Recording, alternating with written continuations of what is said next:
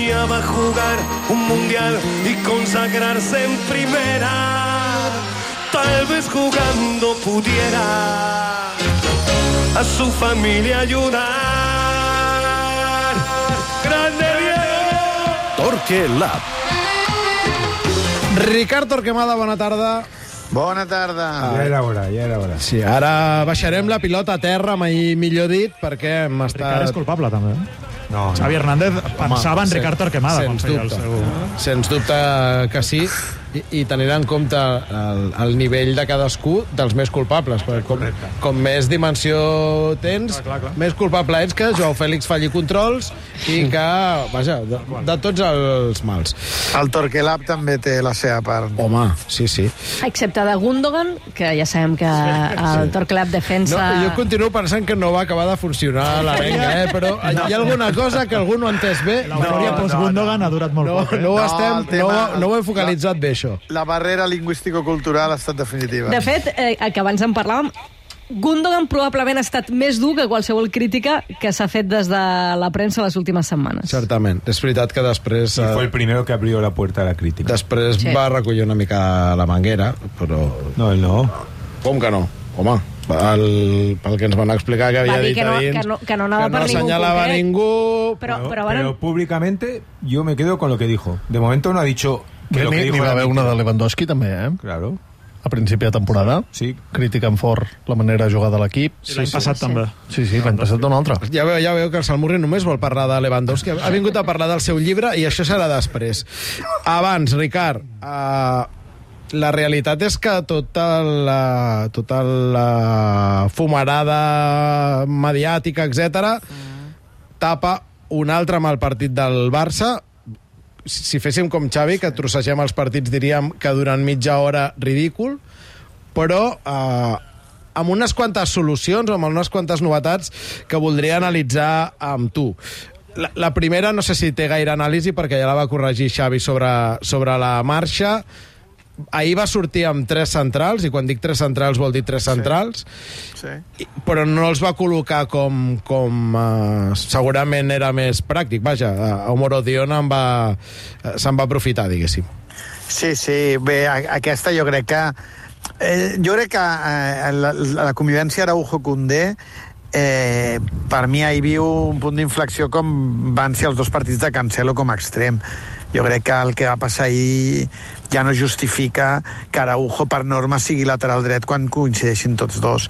Accepta que el davanter que jugui a la banda esquerra, com va començar tot, sigui un futbolista que específicament li doni sentit al rol d'Araujo en el cara a cara i a l'un contra un. Si no és així, Araujo jo crec que ha de ser central i Condé ha de ser lateral.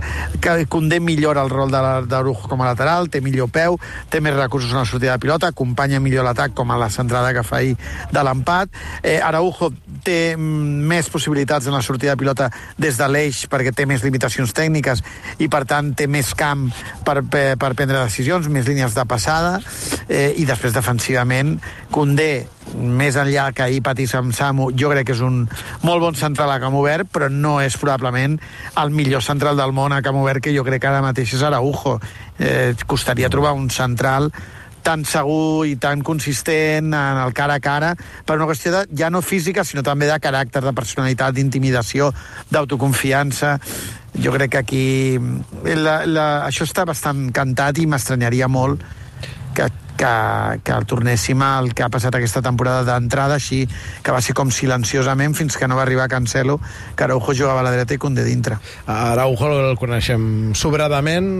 Un dia dedicarem un monogràfic eh, i eh, el farem mà a mà perquè crec que tu eres devot del condisme gairebé Sí. tant o més que, que jo Sí. i jo tinc la sensació que no està complint les expectatives però això no serà, no serà avui segon moviment molt evident d'ahir eh, tot, tot i que la jugada inicial eh, no ho semblava eh, Cancelo ahir juga de lateral esquerra, Sí. d'interior esquerra, extrema esquerra, Sí. eh, en, una, en una decisió que, que Xavi després eh, argumenta com una voluntat d'intercanviar posicions Sí. a la banda esquerra, amb Pedri, amb Joe Sí, Fèlix. sí. A- Ara ja anirem, però mm, Cancelo a l'esquerra, bé.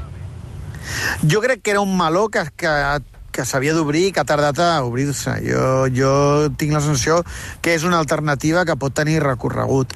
Eh, perquè Cancelo pot jugar a la banda esquerra. Jo tinc la sensació que a Cancelo d'alguna manera se li hauria de restringir la llibertat. És a dir, eh, des que va arribar aquí crec que cada cop que interpreta un rol eh, són rols molt oberts que depenen de la seva lectura, però com estem parlant d'un futbol molt posicional, la seva lectura eh, modifica la, les posicions dels jugadors que té al voltant, és a dir, modifica el context. I jo crec que, que, que té com massa marge de maniobra per decidir quan jugar dintre o quan jugar fora. Aquesta és la sensació que, que tinc jo externament. Mm, Tot i això, jo crec que és un meló interessant perquè ja hem dit que amb Cancelo i Valde els centrals quedaven molt exposats, per mi, eh, i és interessant que puguin tancar tres i que un lateral pugui, pugui estirar.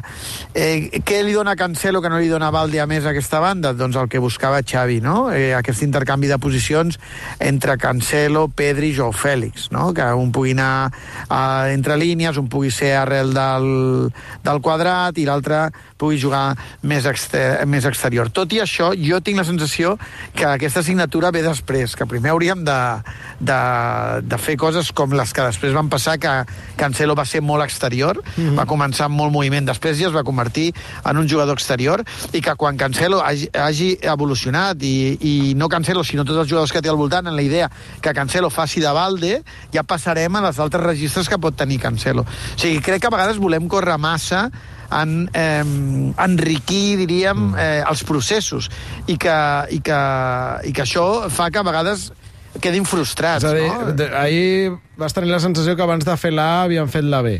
Correcte, o que volíem bé la, fer la B i que volem, volíem, necessitàvem veure la A. Fa temps que Cancelo no jugava a la banda esquerra, des que havia arribat no ha jugat, mm. eh, doncs el més lògic era que Joao Fèlix continués anant dintre, que Pedri estigués a l'arrel i que Cancelo fes de balde i que intentés moure's a la banda esquerra amb les seves eh, possibilitats tècniques, l'exterior del peu dret, eh, però que omplís la banda.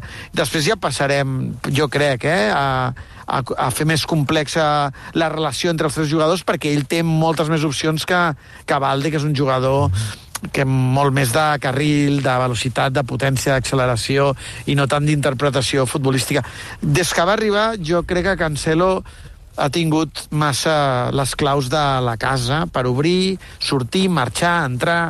I jo crec que se li haurien de marcar una mica els horaris. Uh, molt ràpid. Dani, Mireia, Marcos. Uh, la cosa camina, em sembla a mi, cap a tornar als tres centrals i només un lateral volant. En, aquests, en aquestes coordenades, uh, compreu Cancelo, sigui dreta o esquerra per davant de, de Valde? O si ha de ser a l'esquerra, que sigui Valde i a la dreta Cancelo? Aquest any sí que ho compro perquè Valde no està bé, però no ho faria definitiu, ho faria negociable i obert a, a l'evolució d'un i l'altre.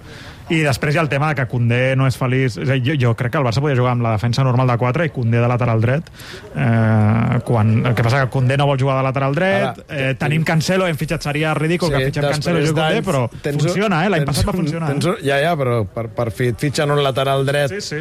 que no és d'estar per casa, sinó que en teoria és un dels millors del món i no ens encaixa. No? Jo no dic que estigui malament, eh? jo entenc que l'equilibri de l'equip ha d'anar sempre per davant de- Pero yo d'una creo- individualitat. Yo creo, no sé qué piensa Ricard, pero yo creo que el entrenador tiene que tomar decisiones. Decisiones ya rotundas. No, no, aquesta n'és una. Sigui, Bueno, Cance... vamos a verla. això no, no, no, vamos a De verlo. moment. Eh, No, no, porque- no. vamos a verlo, porque Cancelo jugó dos partidos de extremo. Que es- O sea, d'acord. o sea, Sí, però Xavi ja va dir que Però- allò, allò no tornaria. Sí, no? vale. Pero cuando digo decisiones rotundas, es decir, Cundé al segundo 17 en los Cármenes ya está liquidado por Brian Zaragoza.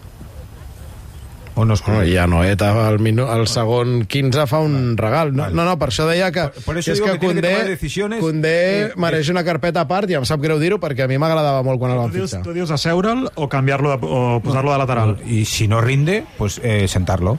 Ana- Eh, o sea, lo que no puede en ser es que això, el Barça- el Marcos, Barça- en això, Xavi, no és gens dubtós, No, no, per perquè això. ningú hauríem dit que Íñigo Martínez seria titular a Correcto. aquesta altura de Sí, temporada está i ho és perquè s'ho guanya. Eh, y, y acabo. Y si el Barça ha estado seis meses o un año buscando un lateral derecho, ahora que tiene un lateral derecho, se va a quedar sin lateral derecho, porque lo va a enviar a la izquierda. Pot ser, veurem.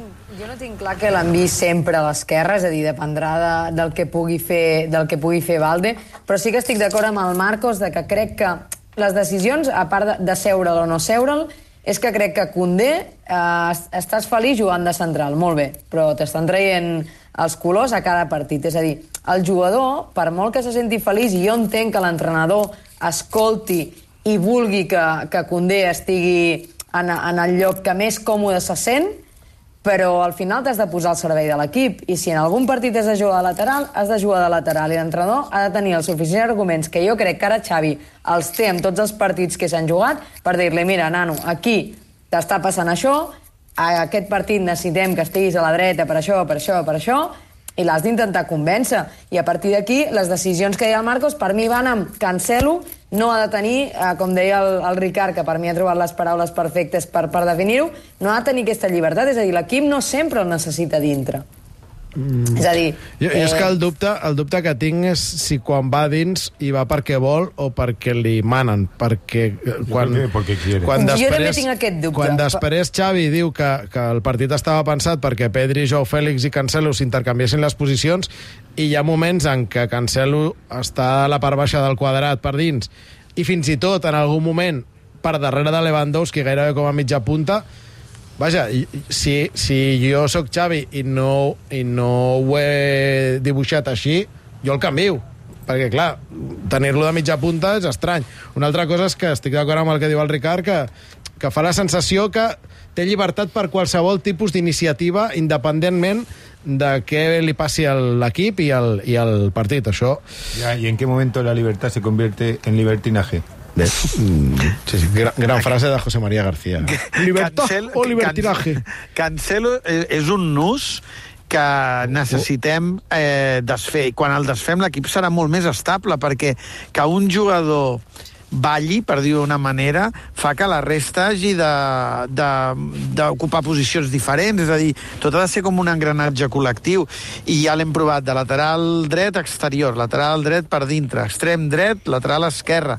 Haurem d'arribar un dia que haurem de, de fer el clic, i aquell dia no només Cancelo, sinó la resta de jugadors hauran d'adaptar-se a un context. I la sensació és que mm, jo crec que l'esquerra és un camí a explorar eh, però que, però que només hem tingut el primer assaig i el partit es va enverinar tant que no ens ha quedat un gaire bon record. Ricard, eh, no t'ho creuràs però vaig tardíssim. Hi ha alguna cosa de, de les novetats, els matisos que vas veure ahir que diguis aquesta jo crec que De l'hem la- de, de mantenir. No, mira, del, del que vaig veure ahir no, però ja avanço la pròxima assignatura, eh, que és amb la tornada de Jong, eh, quatre migcampistes un altre cop i Joao Fèlix banqueta, mm. o mantenim Joao Fèlix, juguem amb tres migcampistes i ens encarreguem dos dels que poden ser titulars. Mm, eh, no, no hem vist el Barça amb quatre migcampistes perquè les lesions han fet que de seguida que arribés Joao Fèlix en tres. En teoria, pel, ahir no hi era Gavi tampoc per sanció. En teoria, pel proper partit, al camp del Rayo ja tens De Jong, Pedri, Gavi, Gundogan, que donem, tots hem donat per fet que serien titulars tots, però... Per això, De Jong, Pedri, no. Gundogan eh, o, o Joao Fèlix i un dels, dels quatre Mm. eh, cau bé. De Jong probablement comenci a poc a poc, però vull dir que, que és, és, el, és la pròxima assignatura. Aquí també Xavi haurà de, de veure per què s'inclina, si per allò que va funcionar amb quatre migcampistes o si ara que hi ha Joao Fèlix, encara que li costi la seva relació amb el gol, doncs eh, en són tres, però compte perquè la nòmina de migcampistes que tens, en principi n'hi ha uns quants que haurien de ser titulars I us- i, i aquí heu- les decisions hauran de tornar a aparèixer. Us heu deixat Fermín, que m'imagino que ja el decapiteu, el doneu per decapitat, no? Ja. No, exacte. No, jo he posat Fermín, jo he dit dos titulars, perquè jo incloïa Fermín ja...